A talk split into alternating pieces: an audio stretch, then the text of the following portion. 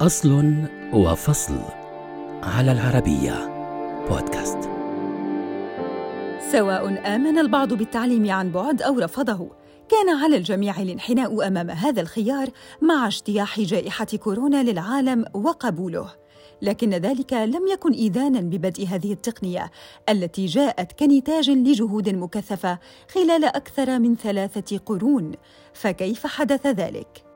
في عام 1728 نشر رجل يدعى كاليب فيليبس إعلانا في صحيفة بوستن جازيت لدورة تدريبية بالمراسلة عن طريق تبادل رسائل البريد.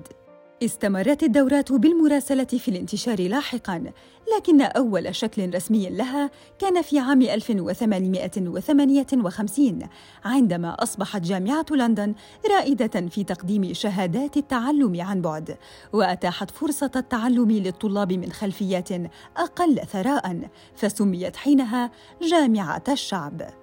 كذلك ظهرت نماذج ناجحة أخرى حول العالم، ففي ألمانيا قام الفرنسي تشارلز توسن بإنشاء مدرسة للغة بالمراسلة في عام 1856 فيما نجحت آنا إليوت في تصميم برنامج تشجيع الدراسات بأستراليا في عام 1873 كذلك قدمت كلية كولير الأمريكية برامج متخصصة لعمال المناجم الراغبين في تطوير قدراتهم في عام 1890 في النصف الأول من القرن العشرين أتاحت الجامعات حول العالم دورات بالمراسلة بغرض الوصول للطلاب الريفيين.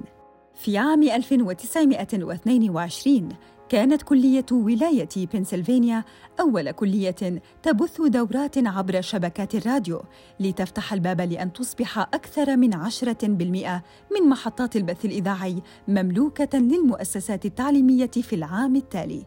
بحلول عام 1934 بدأت جامعة آيوا في بث أول دورات متلفزة قبل أن تحذو كليات أخرى حذوها إلى أن نجحت جامعة جنوب إفريقيا في أن تكون أول جامعة عامة في العالم تعتمد التعليم عن بعد في عام 1946 بعد ذلك بوقت قصير ومع ظهور شبكة الويب العالمية افتتحت جامعة جونز الدولية برامج التعليم العالي المستند على الإنترنت بالكامل.